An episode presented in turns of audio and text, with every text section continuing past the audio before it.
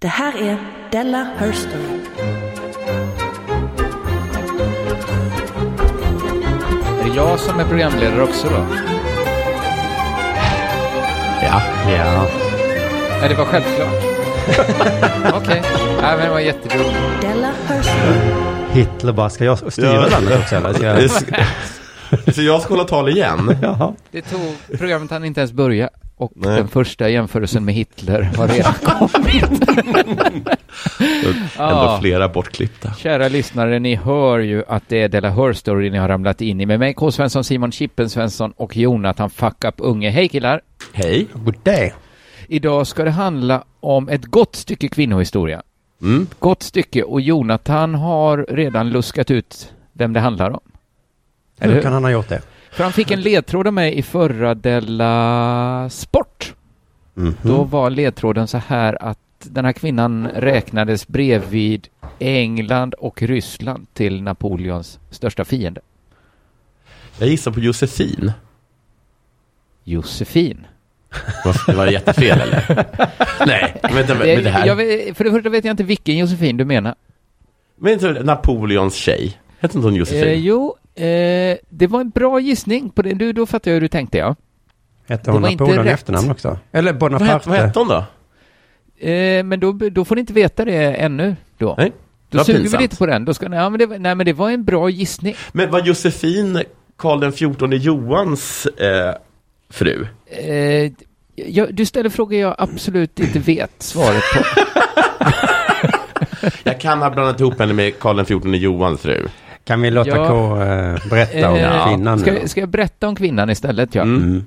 Men då tänker jag så här, vi, vi, vi, jag berättar långsamt, det blir lite som det här bit för bit kanske. Kommer ni ihåg? Mhm. Eh, Så får vi se om, så kan lyssnarna vara med, så får man, så får man se när man fattar vem det handlar om då. Ja, men alla har, det, tror väl att det är Josefin. Ja, men nu ska du inte hänga läpp för det. Det var ju Nu jätte... tror jag också att det är Josefin. Nej, men Ja. det är inte Josefin. Jag blir bara mer och mer säker på Ja, precis. Det här är Men bara... brukar vi tala om historiska personer så, ja det var Adolf. Nej, men jag kan inte, jag vet inte vad hon heter i efternamn. Nej. Bonaparte såklart. Ja. Oavsett vad hon hette i Ja, efternamn hon va, så var det inte hon. Nej. Vi kan börjar med den, eh, den första biten då, den första tråden här. Ska Ja. vi se här. Jag läste en del om Sveriges misslyckade kolonialhistoria. Mm. Det är en Är det så sorglig... vi beskriver den? Jag tror att det är... Det är klart man kan säga bara Sveriges kolonialhistoria, punkt då. Ja. Men jag tror alla är överens om att den är full av fiaskon. Ja, Och att det aldrig blev särskilt bra. Så Synd. jo, Typ- misslyckad tror jag man kan säga. till och med danskarna var bättre. Mycket bättre tror jag till och med. Ja. Den pågår då från 1600-talet och en bra bit in på 1800-talet. Och historien är ganska mycket så här att det kan komma vilken jude som helst från Amsterdam Och fråga om Sverige vill köpa Madagaskar. Vilken jude som helst. Och vi säger ja, eller? Vi säger, det låter intressant. Ja. Det är inte Jag alltid tycker också det låter intressant. Det händer Ja. fyra gånger. Det är inte alltid en jude som kommer. Var det någon gång? Det är ofta en jude som kommer. Och vi har så svårt att säga nej till judar. Åh, nu kommer judarna. Låt oss säga så här. Personen i fråga hade judiska drag. Det är ännu värre. Och jag har nu köpt ö. Fyra gånger hände det att Sverige blev Vad skulle jag Madagaskar. göra? En kroknäsa från Nederländerna Men- dök upp. Det var inte alltid judar. Det var till exempel en gång kom det två ex-pirater. Frågade Mm. vill ni köpa Madagaskar? Världens Ja. fjärde största ö. Tackar, tackar, sa regeringen. Det vill vi gärna göra. Får jag fråga, har vi köpt den fyra gånger? Eller nej? Nej, men det var aldrig någon som hade Madagaskar att sälja. Nej, men... eh, Det blev, vi köpte den noll gånger. Men vi tyckte det lät intressant varje gång en jude eller en pirat eller vem som helst kom och erbjöd Madagaskar. Det var pirater som kom och folk bara, oh, här kommer en pirat, de har ju varit runt. Ska vi Tänk lyssna. att, det hade jag ändå öppnat med. Att om det kom en pirat från Amsterdam varenda gång vi skulle sälja. Men Men du, du gick på något annat. det var lite vanligare att det kom judar och hade roliga idéer om vad Sverige borde ha kolonier runt om i världen. Ja.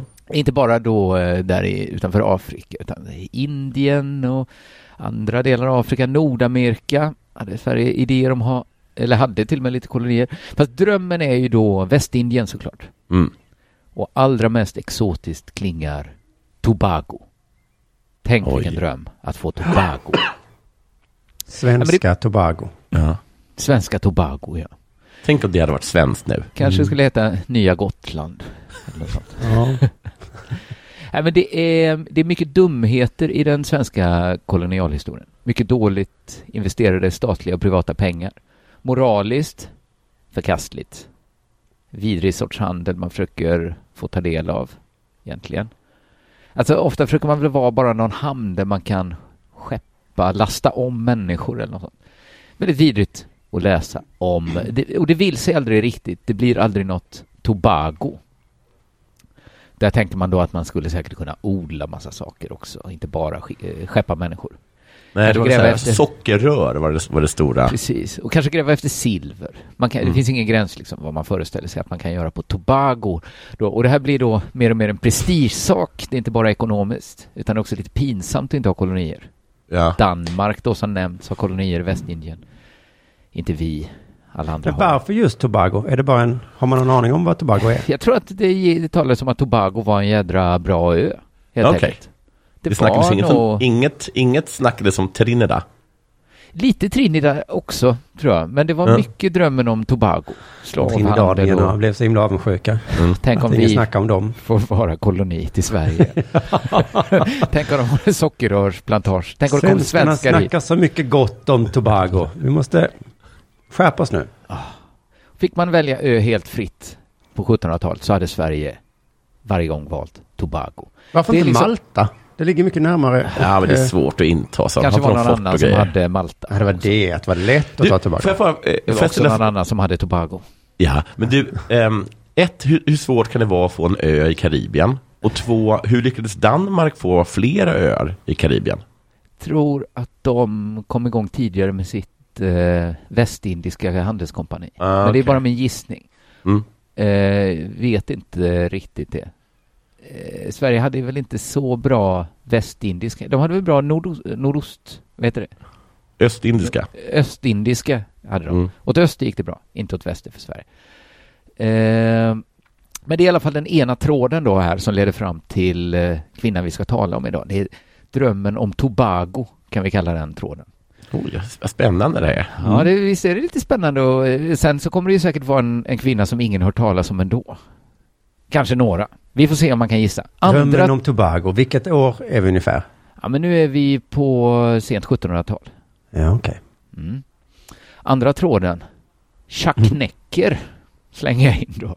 Va? Känner ni till tjacknäcker? Det är en, en, en, ett mansnamn. Man, ett mansnamn, ja. Tjacknäcker. Är det någon jude från Amsterdam? Nej men snälla, man måste få nämna judarna utan att vara Ja, nu ska han rasist. vara förrättad hela avsnittet här. Ja, herregud. Hade man vetat det hade man väl inte pratat om Madagaskar här. Madagaskar har blivit ett sånt sår. Jacques Necker är schweizare, född 1732 i Genève. Bankman. Utseende, judiska drag. Nej, han var protestant, ska jag säga det. Mycket Mm. inflytelserik. Så ja, nu börjar det, nu börjar det likna något. Ja, titta, nu tar jag upp protestanterna. Nu slår jag åt mitt eget håll också. Ser du mig bli ledsen nu eller? Nu blev Simon Får ledsen för panik jag och börjar skratta Den här högljutt. underbara Jacques Necker. Tjack och tjack. Han hade byggt sin förmögenhet bland annat på att spekulera i spannmål. Storartade finanser. Ett geni verkar han ha varit. I år tror jag på vete, sa han. Ja, exakt så gjorde man. Och alla Ja. tänkte nej. Va, du är galen? Alla säger till havre som Sa han gäller. vete? Sa han vete? Nu minns jag inte vad han sa. Vad du vet eller havre. Vänta så ska jag bara fixa till vår videochatt. Så där, nu ser jag lite bättre. Vi Vad ser var vi ju nu? Vi var det- eh, i hans spannmålsspekulationer. Han blev Mm. ofantligt rik. Jacques Necker var känd för att vara rik. Mm. Alltså som, eh, man måste inte alltid säga, men som Kamprad kanske. Så ni ska Ja, förstå eller- vad det är att vara känd för att vara Eller rik. är det som han som kunde nudda vid saker så det blev guld? Vad heter han? Midas. Midas. Va- Eh, var han som, ja, eh, fast på riktigt och Ja. inte att allt han tog blev guld. Men Som, rik var han. som, som Krösus Sork. Ja, han är ju känd för att vara rik. Så Mm. att på samma sätt så var Jacques Necker också känd som Krösus Sork då, för att vara rik. Eh, fast han var också liksom inblandad helt öppet i den politiska administrationen. Som jag fattade så var han, han var typ eh, finansminister i Frankrike. Han kunde Så inte... I Frankrike? Typ, De tog in en schweizare. Ja, men bara typ då, för han var ju protestant, så han kunde inte riktigt Nej, nej. vara finansminister. Men jag tror att han var så himla, som jag fattade, var så himla duktig Ja. På finans just, så att de kunde ändå ha han där och bestämma ganska mycket. Eh, och han var då inte bara mycket förmögen, han var också mycket ansvarstagande. Förespråkade... Oj. Och vacker. Sa jag att han var protestant, Jonathan? det får inte bli ett sånt eh, 30-åriga Nej. kriget här mellan judar och protestanter. Nej. Eh, han förespråkade långsamma reformer, lite den typen av människa, lite försiktig general. Och som Mhm. finansminister då, typ, uppskattar han inte slöseriet i franska hovet. Nej, nej, nej. Han tyckte inte om det de höll på med där. Men det var Typiskt väl rika människor som... inte gillar slöseri. nej. Alltså de ska alltid vara sådana. Det finns- Har du köpt en bil? Ja, du, du vet väl att så fort det du har kört ut den från... Vet du hur jag har blivit så här rik? Ja. Genom att inte köpa Inte köpa dem. bilar. men här var det nog Sant, mer. Har ni tagit sant. ännu mer sms-lån för att köpa ännu mer bilar ni inte behöver? Ja. Att det var så kritiken såg ut mot franska hovet. Att det var, och ingen ville ju höra på sån tråkig kritik då från en protestant som heter Jacques Necker. Nej. Eh, och det var så himla dåliga finanser, han fick ge av sina egna pengar för att rädda staten. Så rik var han, så ansvarstagande. Men han ville också då vara öppen med hur illa det faktiskt såg ut. Mm. Så 1781 gav han ut som ett väldigt bold move en skrift som hette Comte Rendu. Någon slags rapport till kungen. Fast han gav Vilket- ut den Vilket publikt. språk var det? Franska. Comte Rendu eller Comte Rendu. Kan vara latin, kan vara franska, kan Ja, vara kan latin, engelska. Ja, jag, jag vet inte vad någon av, av orden betyder, men jag tror att det kan... Det var någon slags... Danska. Han ska gå ut med danska. Vilket otroligt Jag kunde jag ha genomslag. kollat upp såklart vilket språk han... Men det spelar ingen roll för den översattes till jättemånga språk och blev en eh, super eh, kioskvältare. Okej, men där avslöjade han liksom det franska eh, hovets eller liksom statens slöseri. Ja, precis. Han berättade om rikets finanser. Fast det, blev, det var ju då en kritik. Han, han berättade bara hur det såg ut. Och att Okej. de som borde lyssna på Jacques Necker lyssnade inte. Okej, nu får alla veta. Och den översattes då till många språk och alla, alla ville läsa den. Hur ser det egentligen ut i, i Mm. landet? Och då svarade majestätet då på den här kritiken genom att avskeda Jacques Necker. Ja, De det hade kunnat avrätta. Ja. Det var bara avskeda. Ja, men, ja, precis. Han hade ju egentligen bara, ja, de kanske hade kunnat avrätta han där, ja. Men han var liksom inte då motståndare till monarkin, utan tvärtom, han ville rädda den. Problemet var att han sa inte det de ville höra. Så då fick han sluta. Och, Mm. och tror jag, sättet han sa det på. Ja, det tror jag också. också att de hade närt honom vid sin barm och så svek, högg Ja, men det var ryggen. pissigt Liksom. att, att ge ut det som bok sådär. Jo, men jag tror han hade försökt också komma med den här kritiken, att nu hjälper ingenting, nu får jag göra så här. Jag Så att det förstår. var både själva kritiken uppskattade de inte och Nej. in, inte heller sättet han gjorde det på. han får sluta i hur som helst. Han får kicken. Han förälskar sig i änkan till en fransk officer, Jaha. Jacques Necker. Nytt kapitel i hans liv här. Men han gifte sig med salongslejoninnan Susanne Curchoud. Så, vilken twist. Ja, det var ett twist för Jacques Necker här. Att, henne älskar Älskar jag. du mig? Ja, jag älskar ju en, en annan, men det är det jag ska Ja, med. det var Susanne han ville ha, den här salongslejoninnan, som redan var förlovad med en engelsk författare. Men det blev de till slut, förlovningen bröts, de gifte sig samma år. Hemmet blev ett tillhåll för gräddan i Paris konstnärliga, politiska och ekonomiska värld.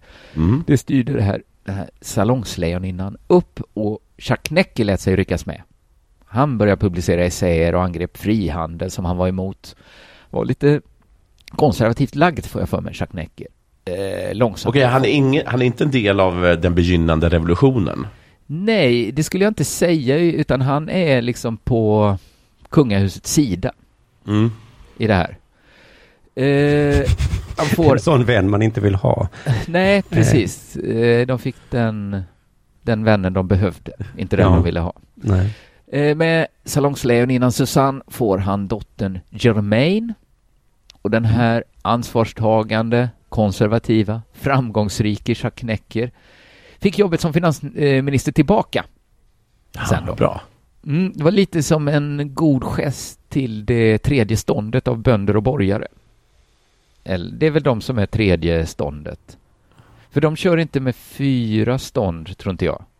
Utan det, det är väl de, de ofrälste i Frankrike i den här tiden. Har, har Frankrike bara tre stånd? Jag tror det. Det blir, det fyra blir stånd. väl, det är ganska grovt att dela in människor i fyra grupper. Kan vi inte ha bara som regel i Della Herstory att den som håller i det inte ställer frågor? Ja, Utan- till oss. Men jag bara Nej. tänker utan- att ni kan någonting. Ja, men, Alltså jag kan ju de fyra stånden i Sverige. Mm. ja, men jag tror att det är Det tredje är ståndet man prästerna, pratar. borgare och bönder. Precis, och i Frankrike tror jag man slog ihop bönder och borgare. I alla fall så, Ja, ja, okej. det blir den här grova indelningen då, Mm. när det är tre grupper, att då hamnar världens kanske rikaste man med i samma gäng som bönder och tunnbindare och sådär. Ja, fy fan. Man hör ju att systemet är lite skevt, det här gamla Ja. systemet som snart ska rasa då. Att, att, att de kanske inte har exakt samma intressen, Jacques Necker och en tunnbindare. Mm. Fast ändå Nej. lite, kanske ändå. Eh, och Jacques Necker då, han får komma tillbaks, men han har ju inte lärt sig något av att ha fått sparken. Nej. Han tycker att hans kritik är mer nödvändig än någonsin. Han står fast vid sina ideal, ja. Det är Ja, härligt. han gillar fortfarande kungen. Men han tycker de måste byta system. Mm. För att rädda det gamla måste de reparera lite. Han föreslår, kan vi, kan vi kanske göra som britterna? Kan vi kolla hur de har löst det? det klarar inte den franska aristokratin av att höra, så de avskedar Jacques Necker igen. Och nu är Jacques Necker så himla populär bland folket i tredje ståndet då i Paris. Mm. Så de blir galna när Jacques Necker får sparken igen. Mhm. Och det här blir gnistan till stormningen av Bastiljen. Ja, men Se där. se där, han är verkligen en del i, Han i, hade eh, verkligen det. i revolutionen. Jacques Necker går till historien som mannen som startade den franska revolutionen. Oh, så din fråga nyss, Jonathan, Ja. som fick ett Den nekande var svar, var ändå... Fullt berättigad. Jo. Ja, men man kan ju fråga hur... Jo, visst han startade den, men han var ju inte en anhängare inte av att han skulle hugga huvudet av kungen heller. Nej. Han råkade starta franska revolutionen. För han var så himla kritisk. Just det, var det George Bushs fel att eh, flygplanen åkte in i... Nej, eller Han var ju ja. emot att de skulle flyga Ja, in där. ja. Okej. Okej Efter- liknelse. Och det var ju amerikansk medborgares fel att eh, Unabombaren... Ja, De hade ju teknik. teknik. Ja. Efter revolutionen var Jacques Necker en hjälte då. Hade det Ja. ganska bra på andra sidan revolutionen också. Eh, vad ska man egentligen göra när man startat franska revolutionen? Vad gör man då? Han drog sig tillbaka till sitt slott utanför Genève. Hade gott om pengar. vilket ansvar för honom också. Han vad måste känt så, fuck vad har jag gjort? Ja. Jag tror att han kunde sitta där på slottet Koppet och se tillbaka på ett ganska gott livsverk. Och nu är det dags för de unga att ta över. Va? Hans Mm. dotter Germaine. Är det henne vi följer? Det är henne vi kommer följa sen. Mm. Men han har ju sånt himla arbete med att få henne bortgift va? Ja. För vem som helst Va? skulle väl kasta sig över Jacques Neckers dotter. Ja, verkligen. Han är rikast, han är mäktig, han är liksom, han startat Älskar franska folket. revolutionen. Friarna borde stått på rad. Ja, precis. Men det finns ett problem här va? Det spelar ingen Ja, roll hur fruktansvärt rik och subba? inflytande- Ja, det tror jag också i och för sig, men det vet inte världen ännu. men hur rik och inflytelserik Jacques Necker än var där, en historiskt viktig person, så kunde han ändå inte gifta in sin dotter i den katolska aristokratin i Frankrike. Nej. Eftersom han var protestant. Och eftersom han var Jacques Necker så dög inte vad som helst heller. Nej. Alltså, det är lätt Det att hitta en god protestant, eller en god katolik i Frankrike där. Ja, Men det fanns alltså ingen protestant i Frankrike som var i närheten av hans status? Inte riktigt. Nej. Det, var, eller det, var, det snävade av utbudet rejält. Mm. Och då är det dags för den tredje tråden här, eller Ja. biten i pussel, pusslet vi lägger. Det är Erik Magnus Stahl von Holstein. Alltså, är han släkt med Stall von Holstein?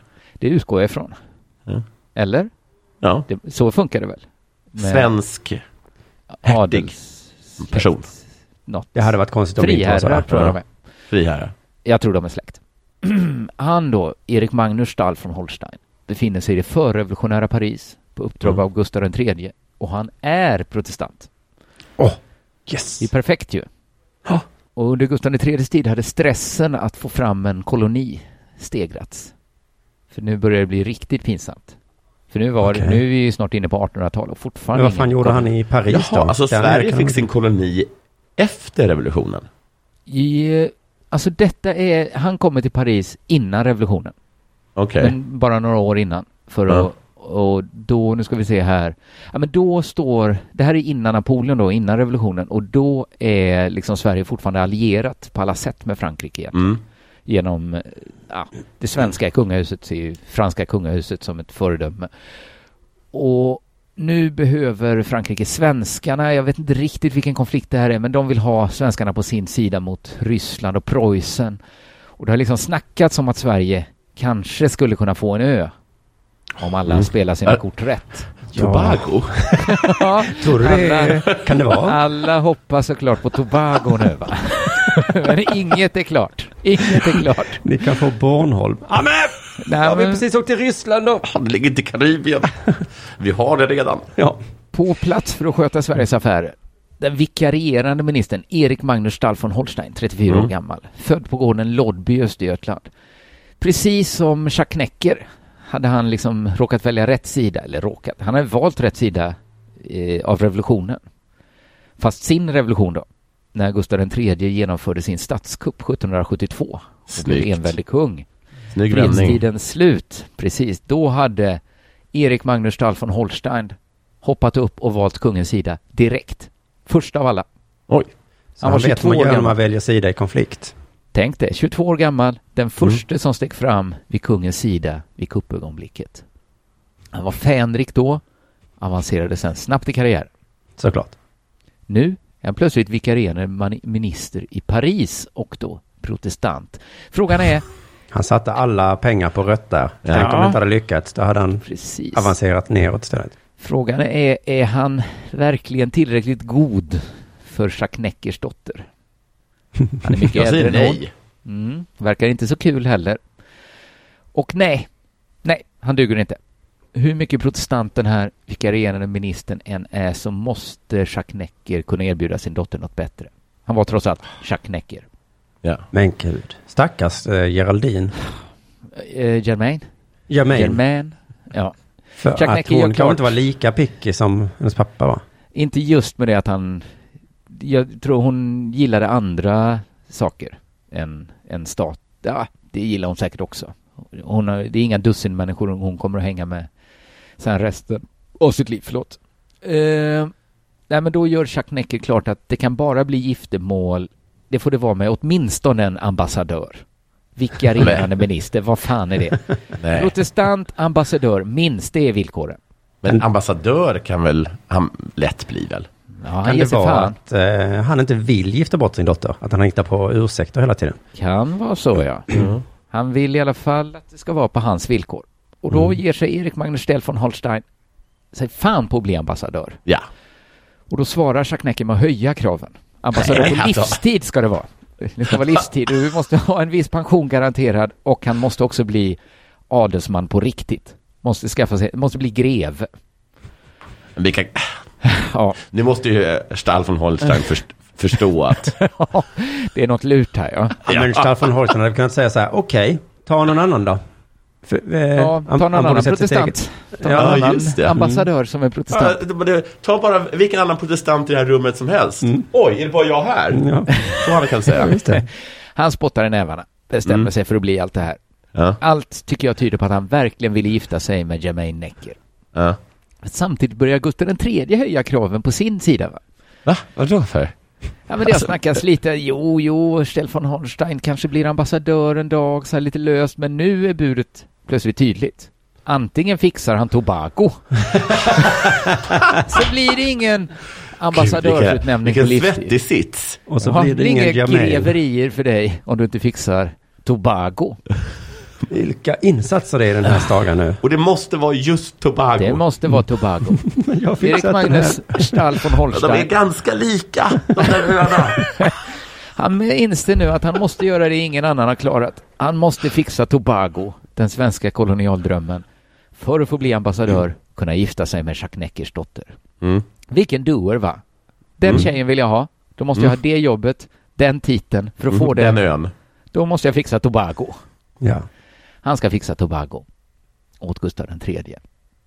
Han misslyckas tyvärr. Ja, Det blir inget Tobago. nej. Men alltså, men var det fransarna som hade Tobago? De hade Tobago, fransmännen. Mm. Han hade absolut ingen chans att få Tobago. nej, det är inte Tobago. För det var ju Frankrikes ö. Och det är en jättebra ö, Tobago. De frågade, men varför ska vi ge er Tobago? Ja. Och det var tyvärr också eh, Stahl von Holsteins enda plan var fråga, kan vi få Tobago? Om inte, acceptera.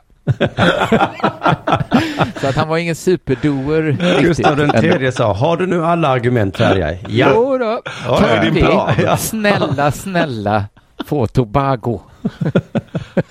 Inte? Okej. Men han försökte, men vi snackade vi om att ni hade en ö, vi skulle få en ö om vi hjälpte er. Ja, men knappast Tobago va? Eh, Men de kunde gå med då fransmännen på spåna lite, inte Tobago. Men vi har andra öar ni skulle kunna få. Ja, men det tycker fan, det kunde de väl nöjt sig med. Ja, och nu börjar ju också Sverige då kännas som kolonialvärldens 40 year old virgin. det är dags att ha en koloni nu. Beggars can't be choosers. Det blir inget Tobago. Det blir en annan ö. Så får det gå. Ja. Ja, Det blir Sant blir- Barthélemy va? Barthélemy, ja. Sankt Barthélemy. Eh, och man bestämde sig då för att nu är vi jättenöjda med Sankt Barthélemy.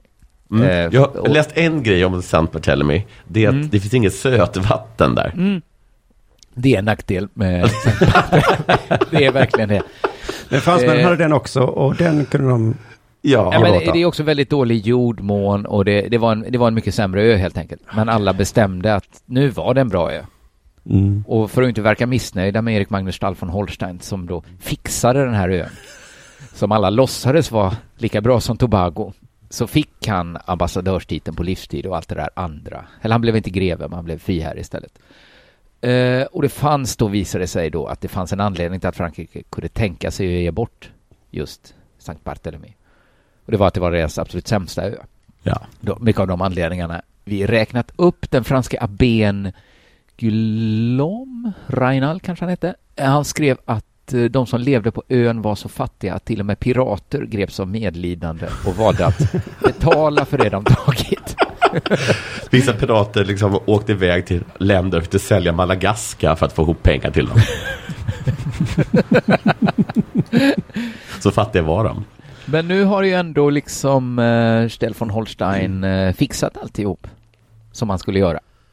Och därmed, efter dessa umbäranden, var han en tillräckligt god protestant för att få gifta sig med Germaine Necker.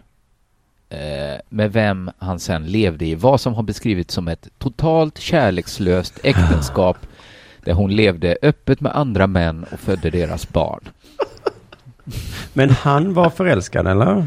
Nej, det verkar vara ömsesidigt kärlekslöst. Okej. Men Alltså, han fick jättemycket pengar eller? Anta, jag har inte läst så mycket om hur han kände inför det här. Nej. Hon Men var han helt jobbade så himla ointresserad. hårt för det. Ja, det är det man undrar och jag ska kasta fram en djärv teori lite senare Ja. i avsnittet om, för det är ju en gåta, deras äktenskap. Varför? Hon var totalt ointresserad av honom. I sin dagbok beskriver hon eh, första mötet med honom. Stel och tråkig. Jo, jo. Och man vet, jag vet i alla fall inte riktigt hur han kände riktigt för att han har ju kämpat väldigt mycket för det. Ja. Eh, men det här ska ju inte handla om honom och hur han upplevde det, utan det är ju om henne det här avsnittet ska handla. En halvtimme in så når vi nu fram till dagens Her Story. För Jermaine Necker då som...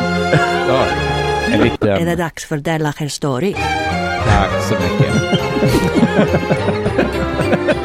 Jävla långt också. Och det är långa också. Perfekt. Tack Simon. Jermaine Necker då tog hans namn och blev Madame de Stael. Som skulle överglänsa sin man i historieskrivningen. Mycket för att hon eh, skulle komma att utföra den, skriva historien och vara en del av den. Eh, precis som hennes pappa då, som startade den franska revolutionen. Eh, det Erik Magnus Stahl von Holstein hade uppnått med alla sina umbäranden var ju att han hade sett till att bli den svenska monarkins sändebud i Paris. Som På livstid. På livstid och i Paris. Ja, där blev det ju revolution då. Och hans fru, helt ointresserad, låg med andra, bodde med andra, bråkade med Napoleon, skapade ett drama som Erik Magnus Stahl von Holstein kanske inte hade räknat med. Eller hade han det? Oj! Vi får Oj! se, kanske. Vi får se när det- min svettiga teori kommer sen.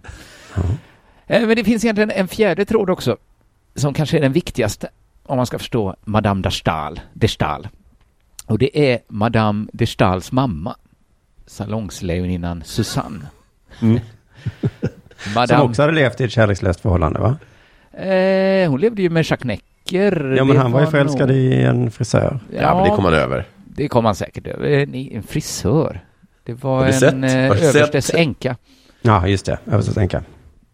Jag vet inte riktigt. Jag tycker deras... Jag, jag kan inte säga statusen på eh, Jacques Necker och Madame Neckers äktenskap, hur det var. Hon är född eh, 1737 i Paris, precis som sin man i alla fall.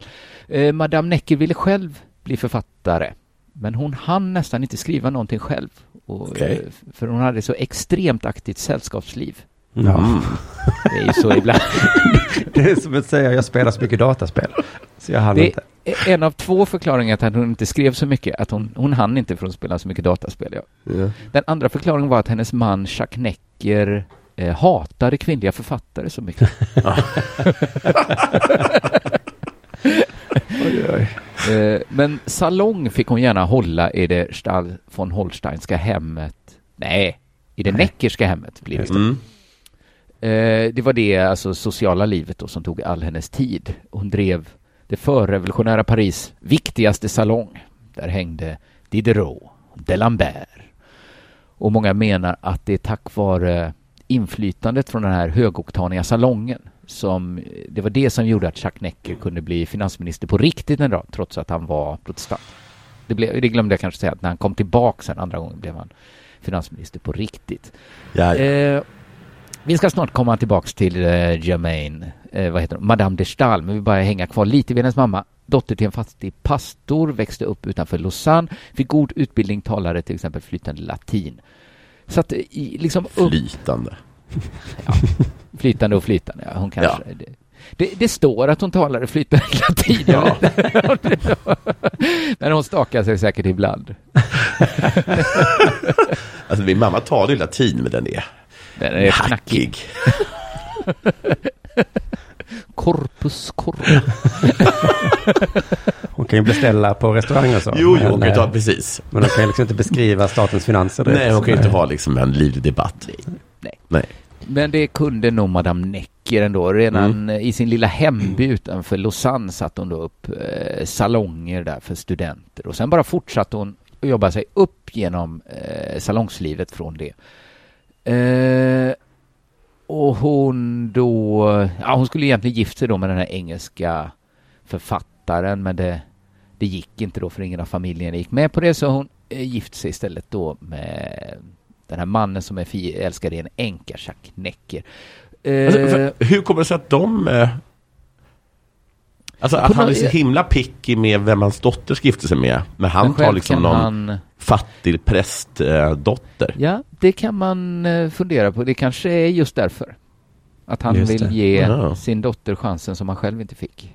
Mm. Men nu var ju också det ett jävla lyckokast den här fattiga pastorsdottern. Ja. Eftersom hon blev salongslejoninna.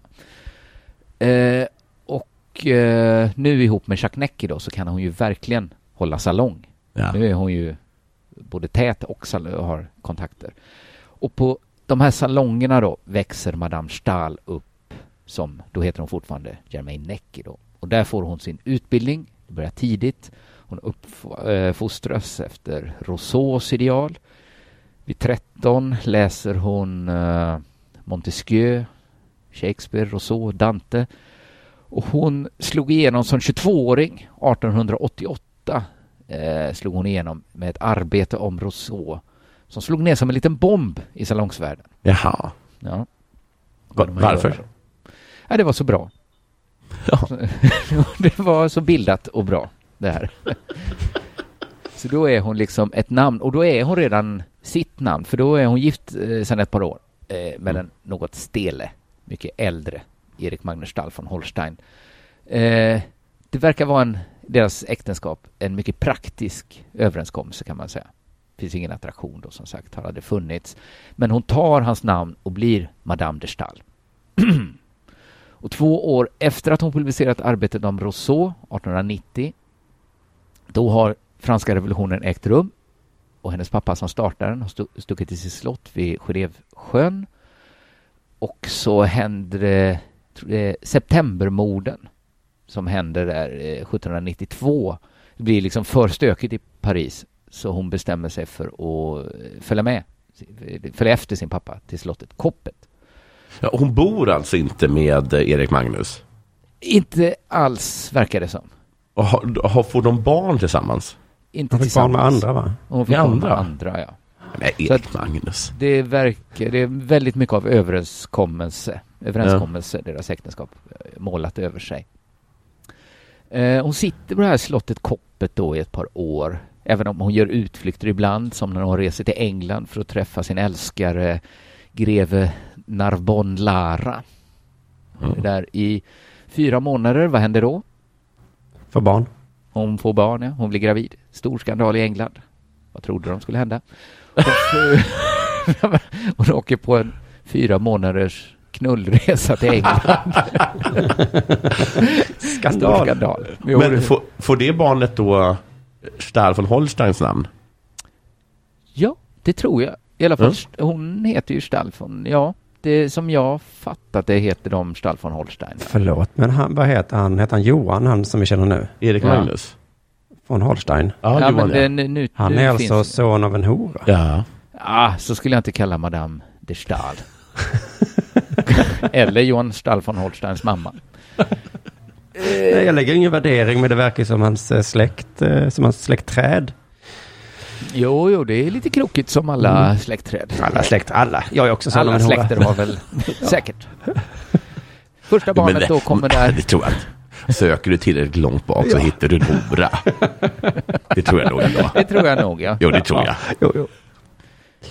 Hon födde sitt första barn, Albert, då tillbaks i Schweiz. Hon har skaffat eget ställe där nu. Mm. Och en dag får hon, som ett litet kuriost exempel, kommer besök, kommer Adolf Ribbing på besök.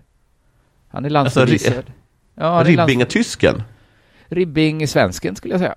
Ja, Ribbing. Alltså, Ribbing... Eh, Som har medverkat i konspirationen mot Gustav III då. En kungamördare nästan till. Som eh, kommit märkligt billigt undan får man väl säga att Mm. Adolf Ribbing gjorde. Bara behöva lämna landet efter att ha mördat kungen. Eh, det är just den typen av människor som drogs till Madame de Stael. Eh, 1794 får hon besök av den nyskilde Benjamin Constant som ville träffa Madame de Stael en gång innan han tog sitt liv. Okej. Gjorde han det sen? Nej, utan eh, han har beskrivits som hennes livs kärlek. Vilket, eh, vilket oerhört... Alltså, det, det är tjatsex verkligen. Ja, det är det verkligen. Ja. Nu ska jag alldeles strax ta lite av mig. Kan jag få ha en härlig upplevelse innan dess? Ja. Ja. Och eh, kan jag få en till? Jag stannar veckan. Jag stannar veckan ut. Sen, lovar jag att sen, sen ja. Men Du bara lovar och lovar. Hon fortsätter hela tiden vara gift med Erik Magnus Stahl von Holstein då, kan vi också komma ihåg. Benjamin Constant var politisk vilde kan man väl säga. Mhm. Om det täcker in hans verksamhet. Mm. Och hon kunde också vara rätt vild. Sådär i filosofiskt. Inte politisk vilde utan Nej, utan filosofi, det blir hon också får man nog säga. Men hon ger Ja. ut en bok till exempel som hyllar självmordet. Det är Nej, ju alltså, perfekt. jag är trött på den här killen som fortfarande, Det är lite fortfarande en bor kvar på slottet. Konstant. Här är argumenten. mm. Men det lyssnade inte Benjamin Konstant på. Han bara fortsatte leta och älska. skrivit en bok till dig. Här, läs den här nu. Här är ett rep och en bok. Gå ut i garaget, sätt dig och läs. God jul! Två julklappar till dig. Men däremot fick hon Schillers och Goethes uppmärksamhet. De Oj. tyckte liksom, oh, en tjej som skriver om att det är bra att döda sig själv, vad är det här? Ja, visst. ja, det gick Så de nu blir, på. alla är väldigt nyfikna på Madame de Sta- Stael nu. Och hon och Benjamin Constant flyttar tillbaks till Paris. För nu, nu liksom snurrar det mycket kring henne här. Och precis Men som... hon, hon är ihop med den här Benjamin nu liksom? Ja, ja, nu är de, Ja. nu är de jätteihop. Mm. Inte jätteihop, men de är ihop. Mm. Precis som sin mamma bestämmer hon sig för att hålla salong. och precis som mammas salong så blev det Paris förnämsta salong. Mm. Yes. Och hon Gud, håller den... Tänk att ha Paris näst förnämsta salong. Ja, Det, det, hade verkligen- dugit för mig. Hade Men- det? Ja, men det är ingen som hade brytt sig om det. Nej. Den som man går till om man inte kommer in på den förnämsta. Jag tror ja, men det är väl som du går på Broadway så kanske du inte alltid tar den finaste Nej, teatern. nej, men jag tror att Man så liksom. Det finns så himla många salonger. Så Fan, jag känner för Cats idag. Ja. Jag vill inte ha någonting tungt som Hamilton. Utan den där, den där sunkiga salongen jag känner till. Ja, men det kan vi göra idag. ja, ja.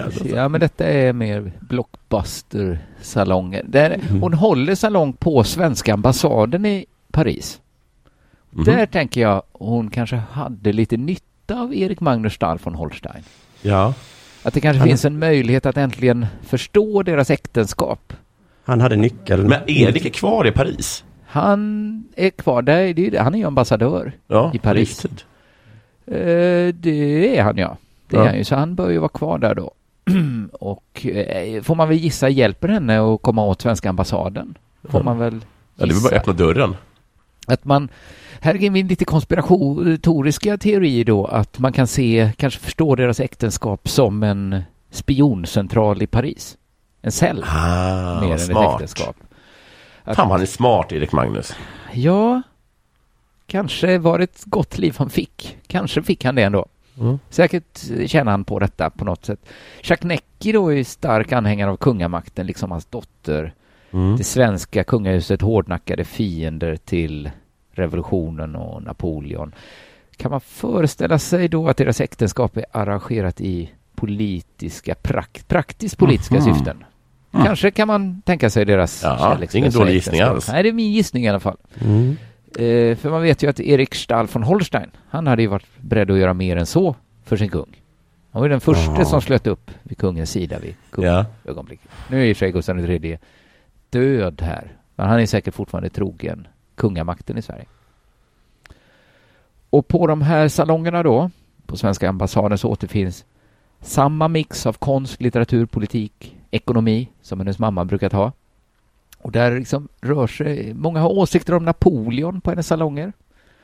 Många prominenta gäster som intrigerar på svenska ambassaden. Jaha. Alla, vet, alla visste ju också att svenskar hatar Napoleon, va? Men det var väl ett vanligt samtalsämne vid den tiden kan jag tänka mig. Det var det nog. Och man var väl Men- för eller emot också. Och han, Ja. äh, Napoleon är, på- han är på gång nu. Det är inte så Han att han, att, det, är- Han att han är rookie nog- och folk snackar om honom. Utan han är, han Han är är, kejsare nog, nu. han är kejsare nu. Ja. Eh, det, där vi är nu, jag vet inte ex, eh, Han är kejsare nu, säger vi. Mm. vi, vi. Vi säger att vi är där i historien där han är kejsare nu. För att eh, nu börjar liksom Madame de Stael, hon har liksom sån politisk makt nu med sin salong. Den har sån, Mm. liksom, sån tryck i den. Att hon får träffa Napoleon. Och hon säger till Napoleon att, att han inte ska invadera Schweiz. Mhm. Över en drink. Hon hade Och- samma strategi som hennes make. ja, precis. Att, eh, men jag vill inte. Och han svarar att det tänker jag visst göra. Ja. Försök stoppa mig. Och jag tänker inte läsa dina brev om du skickar några, säger han. Skrev hon en bok som hette Om man inte invaderar Schweiz. Jag tänker inte läsa den.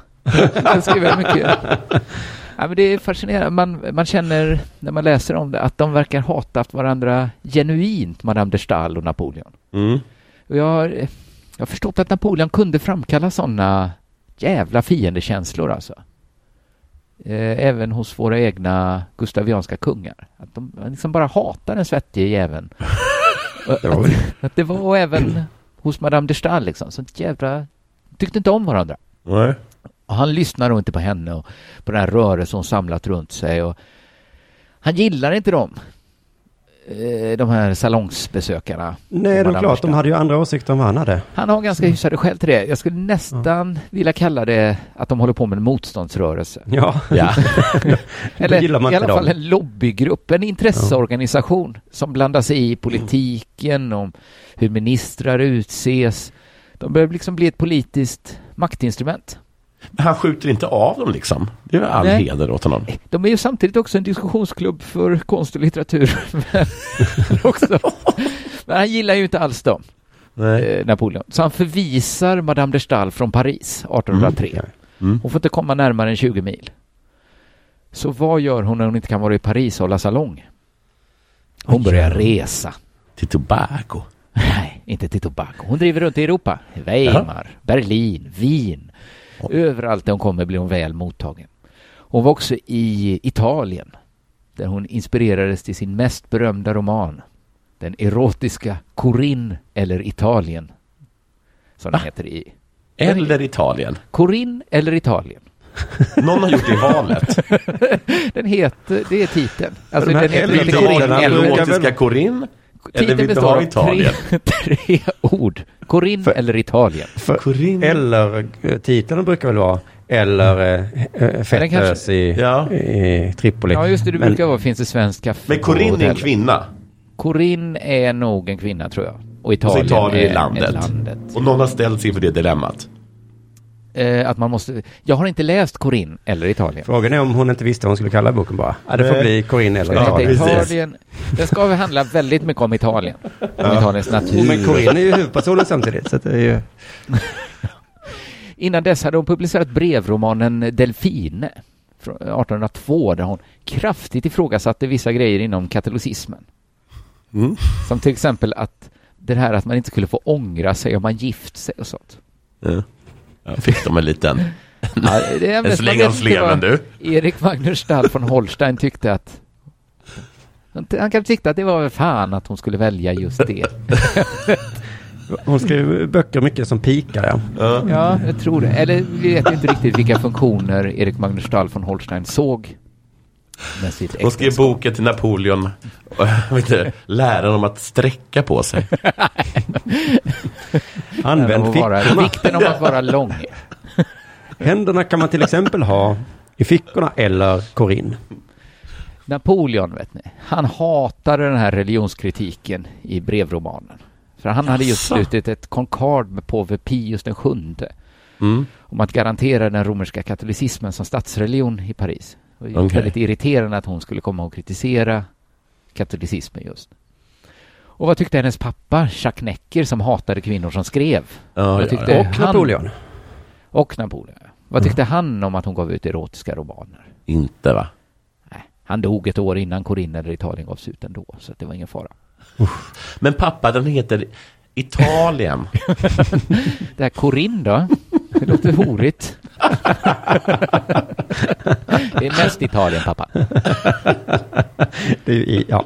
Hennes Ja. mamma dog redan 1794. Erik Magnus Stall von Holstein dog 1802. Så nu är det liksom bara hon och de salonger som uppstod kring Madame de Stael kvar då. Förutom då älskarna hon tar sig. Är hon sin fars enda barn? Ja, Så hon Och är svinrik nu? Det bör hon ju rimligtvis vara. Ja. Eh, för att hon, även om hennes man kanske, eh, hon har ju ärvt sin man också då antar jag. Eh, om han nu fick pengar av Jacques Necker. Så hon bör ju Mm. ha alla Jacques Neckers pengar. Som han inte då eh, fick kvar i Fr- Frankrike. Jag vet inte om han fick med sig alla sina pengar från Frankrike. Men han, han, han hade mycket pengar i alla fall. Och då även hon ja. Och Napoleon då som, eh, som inte gillade Madame de Stael och hennes salonger i Paris. Han gillade inte heller att ha en Madame de Stael som var spritt språngande lös och på resande fot och blev kompis med alla när hon drog fram. Ja. Konspiration, tänkte Napoleon. Och han uppskattade då som sagt inte böckerna hon gav ut, utan han, man kan säga att han hatade dem. Napoleon gillade nämligen inte heller kvinnor som skrev. Men det är väl Hade jag varit Napoleons kompis, då hade jag sagt så här. Skit det. skit precis jag skulle böckerna. säga. Madame de För det är ett gott betyg åt henne att han bryr sig så Ja. himla mycket Han, om... bryr sig, han verkar nästan lite besatt. i henne. du läst den senaste romanen, här Korint eller Italien? Ja, Nej, det kan... jag har inte läst den. Ingen har läst den. Hon måste dö! Hon måste... Men skit i... Hon skriver på sidan fyra där man ska välja mellan Italien och Korint. Nej men alltså, det är ingen som bryr sig. Det är ingen har läst den. Och nu har hon Fast- gjort katolicismen Ja också. men du... Grejen var nog att alla hade läst dem. Ja, okej. Du Även är kejsare Napoleon, hon är lite författare. Ja. Men Napoleon, okej, han, hon han fick var precis som eh, Jacques Necker. Tyckte inte Mm. om kvinnor som skrev liksom. Så Nej. han, redan där, även om hon hade skrivit liksom Napoleon är bäst-boken, så hade han inte gillat den. Nej. För han anser att man kan värdera en kvinna mycket enkelt. Mm. Det är att man kollar på hur många barn hon föder. Just det. Flest är bäst. Ja. Och han, verkligen, är det något han hatar så är det ju Madame de Stahls take på Tyskland. Mm. Det kryper i kroppen på honom när han läser vad hon har att säga om Tyskland. Vad har hon att säga Hon om gillar Tyskland? Tyskland. va? Nej, vi ska komma till det. Hon gillar Tyskland jättemycket. Mm.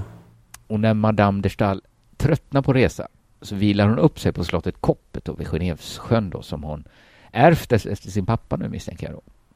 Och även där har det uppstått ett konstnärligt och vetenskapligt hov kring Madame de Stael. Mm. Jättemånga begåvade människor söker sig till slottet Koppet för en chans att få träffa och samtala med Madame de Stael som sägs ha behärskat konversationen till fulländning. Så det är lite Det konstigt. gör är inte jag, vill jag bara Nej, flika in. inte Men hon till gör fulländning. Konversation, hyfsat klarar jag mig. Det uppstår ännu en salong kring Madame de Stael. Om man, om man kommer fram till henne helt okänd på en salong och bara vänder sig till henne och säger så här, vad har du för drömmar? då, blir- då blir inte hon perplex. Utan tvärtom. Snabb repliken. Ja. Blixtrande. Nej, Hon blir då navet i den här Koppetgruppen då va. Mm. Det blir nu, nu håller hon lite på att pendla mellan sina olika salonger i Paris och vid Genevsjön och Men får hon komma Och- tillbaka till Paris nu? ja, hon, det, det går lite, alltså vi hoppar lite i kronologin, de går lite in Ah, i ja. varandra de här. Eh, det är mest för att bara få en fungerande berättelse. Men Koppet finns lite, den salongen uppstår lite parallellt med Parissalongen kan man säga. Ja, okej. Och, och resandet pågår egentligen också lite parallellt. Men det tar liksom fart när hon inte får vara i Paris, då själva resandet. Men till Koppet kan hon då alltid eh, återvända och vila upp sig eh, under sina resor och sånt där. Och där sitter man och diskuterar och ställer djärva frågor ute på Koppet. Ni kan tänka. Men 1810, då är måttet rågat för Napoleon igen. Och den här gången gäller det boken som Madame de Stael, skri- skrivit om Tyskland, Mhm. som bygger på erfarenheter och möten från hennes tyska resor. Hon fullständigt älskar Tyskland och det tyska. Hon, upp, hon uppmanar Tyskland att finnas. För Tyskland finns inte riktigt ännu vid den här Nej. tiden. Det är massa Oj. småsaker bara. Ska Hon inte ni bakom. finnas? Ni ska Oj. finnas, tycker jag.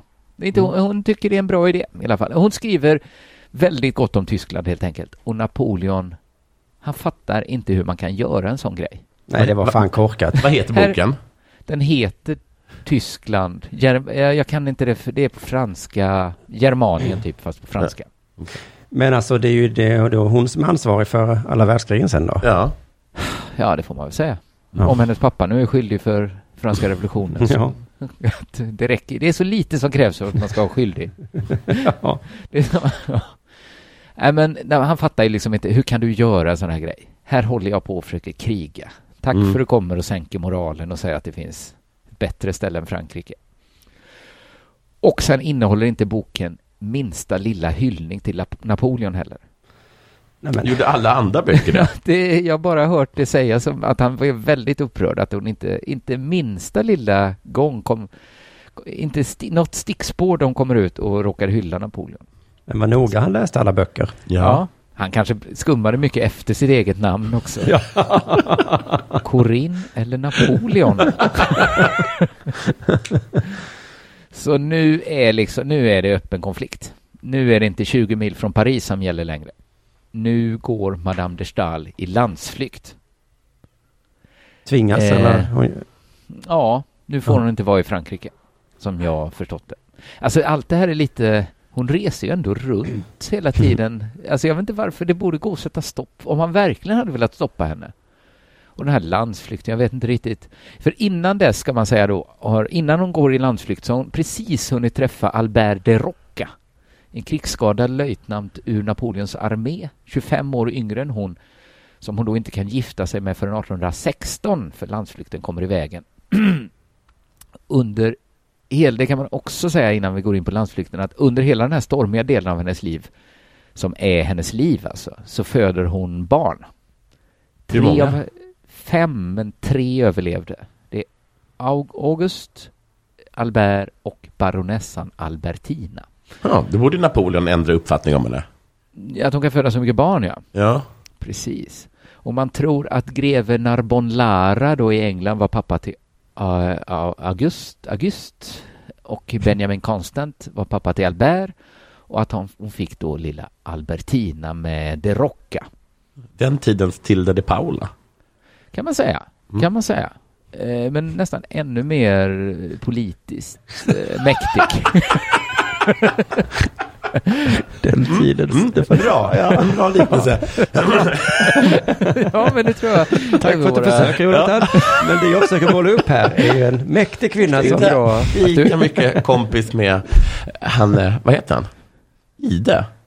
Ja, skitsamma. ja, men nu är det översatt till TV4, fyrerska. Så här, så att, och tänk er det rocka som en Peter Gide utan eh, insulinsprutor så har ni ungefär Albert de Rocca. Han var också ganska sjuklig ska det visa sig sen. Eh, hon då går i landsflykt som sagt, det är där vi är i historien. Då hade hon ännu bara två barn och de fick fly med henne till Ryssland, vidare till Sverige och sen till Storbritannien. Och i Ryssland, ska ni höra, så han hon självklart med och träffat tsaren Mm. två gånger.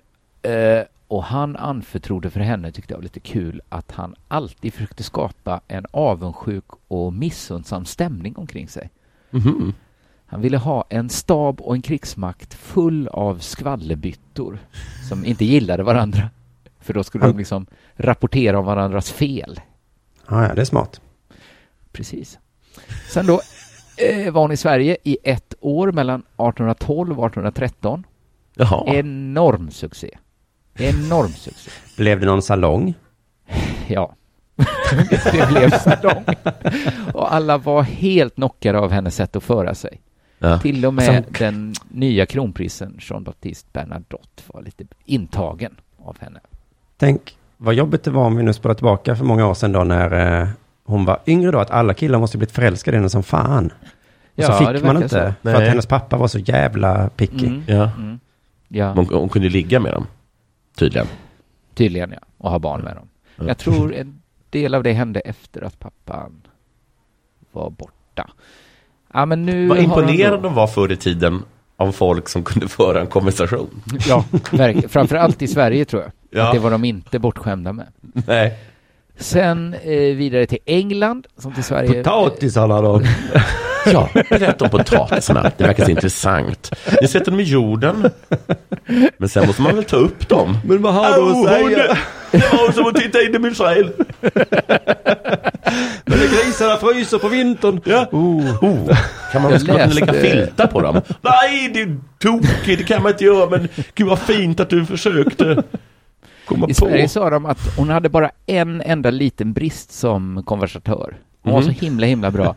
Enda bristen var att hon, hon lyssnade absolut ingenting på no vad någon annan sa. Ja, det tycker jag är dåligt. Men det kan vara bara i Sverige hon valde att göra så också. Att det kanske var annat när hon pratade med Goethe. Men hon pratade liksom med... Det är intressant att, det är intressant att den, den bästa konversa- konversatören har just den bristen. Ja, För det trodde jag annars, men det kom senare kanske. Att konversatörer också skulle lyssna. Ja, att den, den, den, den skarpaste liksom, skytten har ett enda fel. Jag kan inte Ja. sikta. Nej, blind. kan inte se. Nej, men sen då vidare till England. Mm. som tillsammans med Sverige är det samlade motståndet mot Napoleon då. Så nu är, nu är hon ju indragen i Napoleonkrigen kan man säga. Mhm. De har en förmåga i den här familjen att blanda sig in i historien. Eh, och hon har då en djärv idé när hon kommer från Sverige mot England. Och det är att Jean-Baptiste Bernadotte ska bli kung av Frankrike. Hon har en idé alltså att den svenska kungen ska kunna återställa monarkin i Frankrike och för besväret få den franska kungamakten. Okej. Det känns... Eh, Vilken himla dålig plan. ja, det är en riktigt dålig idé, tycker jag. Man liksom känner att Hon hon, borde har... ha lyssnat när Jean-Baptiste berättade om hur stora hans trupper var och sånt. Ja, precis. Och vad Sverige är vid tillfället. Man känner att, och att det inte riktigt, den tiden är kanske förbi när det rider in en kung. Eller i och för sig, vad är Napoleon om inte kejsare? Men det känns som att hon har lite en fot kvar i det gamla. Hon är någon sorts 1700-talsmänniska på seglats ut i 1800-talet. Ja. Fast ändå inte, för hon är ju verkligen tidens melodi. Hon är kanske det hippaste som finns. Men Caesar hennes scen. plan är att bli kunglighet nu alltså? Nej, Ja, hon ska att- få... Hon är fortfarande på eh, kungarnas sida liksom. Ja. Men hon hoppas att eh, den svenska kungen kan ta över Frankrike helt enkelt. Ja. Bese- det- Besegra Napoleon. Ja, men hon skulle vara inblandad i hovet där då. Som Det betalning. kanske hon hade tänkt sig. Det, det vet jag inte vad hon hade Okej. tänkt sin egen plats riktigt. Men eh, hon skulle säkert inte gå lottlös om hon fixar Frankrike åt Sverige. Tänk om vi hade ägt Frankrike. Ja, det hade Alltså varit- det hade ju fått hela den här uh, sorgen över Tobago. Att, uh, Eller bara Korsika. ja, hade vi kunnat ta. ja, det blir. Ja, det hade inte Napoleon gillat. hade han inte Nej. gillat. Nej. Det är protestantiskt nu, Korsika. Nej, men hon kommer i alla fall till England med storslagna idéer och allt går bra till en början. Alla gillar henne, hon hänger med alla höjdarna, Lord Byron och alla dem. Men så dör plötsligt hennes son Albert Mhm. som har gått med i den svenska armén och han har tydligen dött när han duellerat en kosack. Gör aldrig det. Gör aldrig det. Han hade tydligen väldigt stora spelproblem som skulle kunna vara en förklaring till att det blev, gick så långt. Och då... Det är lite som luften går ur henne, kanske lite då. Hon börjar sammanställa sig minnen av revolutionen då, som hon upplevde från och till på mycket nära håll. Hon startar naturligtvis Salong i England, Mm. den främsta såklart. Givetvis.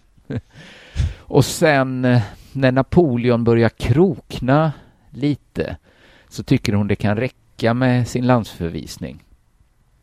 Så hon flyttar hem till Koppet, eller då är hon, det är ju inte land, det är ju Schweiz, men det kan, Ja. ja, inte Det riktigt är, det, det. det, det är Hon, liksom hon i vågar sig liksom till Koppet i alla fall.